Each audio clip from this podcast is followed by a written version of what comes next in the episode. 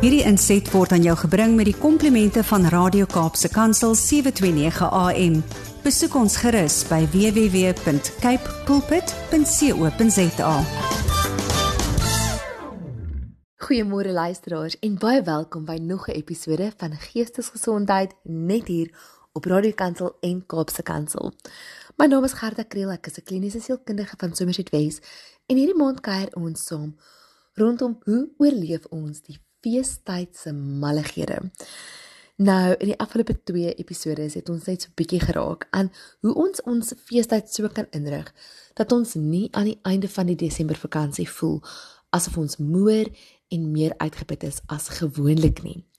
Ons het gepraat oor dat jy jou Desember moet inrig in jou gedagtes as net nog 'n maand sodat jy jou verwagtinge daaroor kan realisties instel. En dan het ons verlede week gepraat oor grense met die familie of die geliefdes in jou lewe. Wat verwag ons van mekaar? Hoe kommunikeer ons daardie verwagtinge? En hoe maak ons seker dat ons Desember vakansie meer konflikvry as konflikvol kan wees? Nou vandag gaan ek gou met julle praat oor 'n baie belangrike aspek wat eintlik as meeste mense nou daaroor praat of vandag luister gaan hulle dink, "Maar Gerda, hier het niks met geestesgesondheid uit te waai nie." En eintlik wil ek vandag vir julle sê, hierdie onderwerp het omtrent alles met geestesgesondheid uit te waai. En jy nou nog nie kan raai nie. Ons praat vandag oor die finansiële aspek van Desember vakansie. Hoekom sê ek 'n kliniese sielkundige dat finansiële besluite jou geestesgesondheid direk beïnvloed. Die antwoord luisteraars is eintlik voor die hand liggend. Wanneer met jou banksaake sleg gaan, gaan dit gewoonlik met jou emosies ook 'n bietjie sleg. Nou ons maak baie grappies elke jaar daaroor dat Januarie die langste maand van die jaar is. Dit voel amper asof 'n hele jaar in Januarie geprop is. En dit is omdat ons nie uitkom met ons begrotings aan die einde van Januarie nie. Desember kom en ons spandeer heeltemal te veel geld op dinge wat teen die 1 Januarie reeds opgebruik is of reeds vergete iewers in 'n kas lê. En dan het ons nog 31 dae waarop ons moet deurkom met ons salarisse wat ons eintlik al uitgegee het tydens die vakansie. Luisteraars, dit is nie 'n goeie gesonde manier om te leef nie. En as ek vir julle kan sê hoeveel kliënte elke jaar in Januarie, Februarie by my kom sit en lank trane huil oor geld wat uitgegee is wat hulle nie weer kan terugkry nie. Ag oh, man, dis baie, dis amper almal. Almal sal sê dit gaan broekskeer aan die begin van die jaar. En ek self met my kindertjies het baie uitgawe is in die begin van Januarie. Skoolgeld, skoolklere, skoolskryfbehoeftes en dan natuurlik ook die lekker Desember vakansie wat so pas agter ons lê. Nou, as ons besef dat hierdie doodgewone gewoonte van ons om geld onnodig uit te gee eintlik lei tot emosionele distres, dan kan ons mos 'n bietjie anders begin benader. En dis wat ek julle wil uitdaag om te doen hierdie jaar. Jy sien, hier is 'n paar stappe wat jy kan volg wat ek deur die jare besef het en geleer het en wat baie van my kliënte begin toepas het hierdie tyd van die jaar sodat hulle in Januarie 'n baie beter begin tot die jaar kan hê. Die eerste ding wat jy nodig het om te doen is kyk hoeveel geld het jy in Desember tot jou beskikking. As jy 'n bonus kry of 'n 13de cheque kry, fantasties, dit is wonderlik. Maar voordat jy daardie geld uitsluitlik sien as iets om te blaas op pret en plesier, sit dit vir 'n oombliekie eenkant. Gestel jy het nie daardie bonusgeldjie gekry nie. Gestel daai bonusgeldjie het net nooit sy verskyning in jou bankrekening gemaak nie. Hoeveel geld het jy dan? Hoeveel geld sou jy gehad het as jy 'n doodgewone salaris aan die einde van die maand gekry het sonder om te dink aan die ekstra bietjie geld wat jy gekry het? Werk eers daarmee. Kyk wat kan jy doen binne jou gewone begroting sodat jy weet waar jy nie onnodige geld moet uitgee nie. Ek weet dit is 'n baie lekker tyd van die jaar om nuwe dinge te koop en dis amper asof 'n mens jou huis en alles wil regkry in Desember. Maar as jy begroting dit nie toelaat nie, gaan jy dit regtig in Januarie diep diep diep berou. So kyk eersins, hoeveel geld het jy?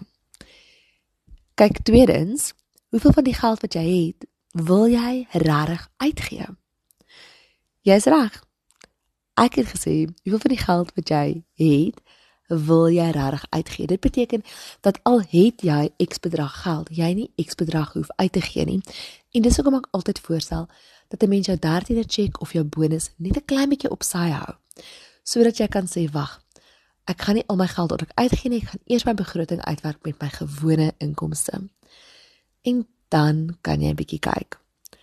Hoe lyk dit as jy vir jouself 'n begroting opstel? Vat jou finansiële state, kyk na jou bankrekening. Hoe lyk jou spanderingsgewoontes deur die res van die jaar? En stel vir jou in die eerste plek 'n lekker realistiese begroting op vir Desember.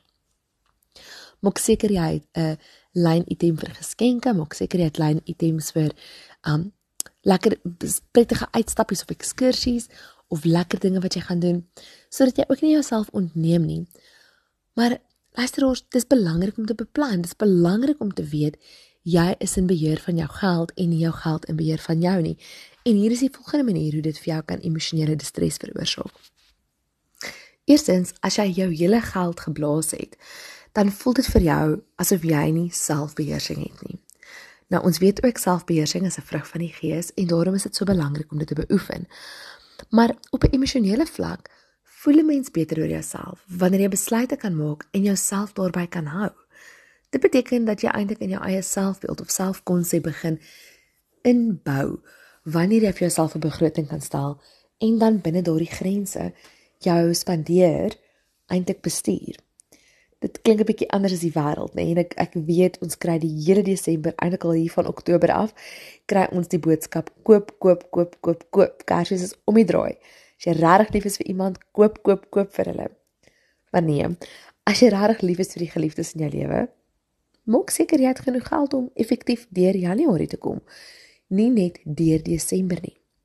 So jou Desember begroting stel jy op vir Januarie sowel as Desember en jy maak seker dat jy geld uitgesit het vir enige iets wat moontlik in Januarie ook nodig is. Skryfbehoeftes, skoolklere, daai tipe ding. Daai tipe ding waaraan jy nie noodwendig aan die begin van 'n Desember vakansie gaan dink nie. En dan luister ons, is dit ook goed om te weet dat jy nog steeds moet probeer om 'n bietjie geld weg te sit vir noodgevalle. Mediese noodgevalle, motornoodgevalle of selfs in ons land 'n uh, baie harde realiteit, maar 'n stygende brandstofprys wat elke maand bietjie bietjie bietjie duurder word. So, hier is ons wenke. Nommer 1, kyk hoeveel geld het jy. Nommer 2, stel vir jou 'n goeie gebalanseerde begroting op. Maak seker jy maak 'n lyn item vir alles wat lekker is. En dan natuurlik, wat help 'n begroting as ons nie daarby bly nie? So luisteraars, as jy vir jouself 'n begroting opstel, probeer soveel as moontlik om daarby te bly. En voordat jy 'n item aankoop, vra vir jouself, is dit regtig nodig dat ek hierdie item nou koop of kan ek daarsonder?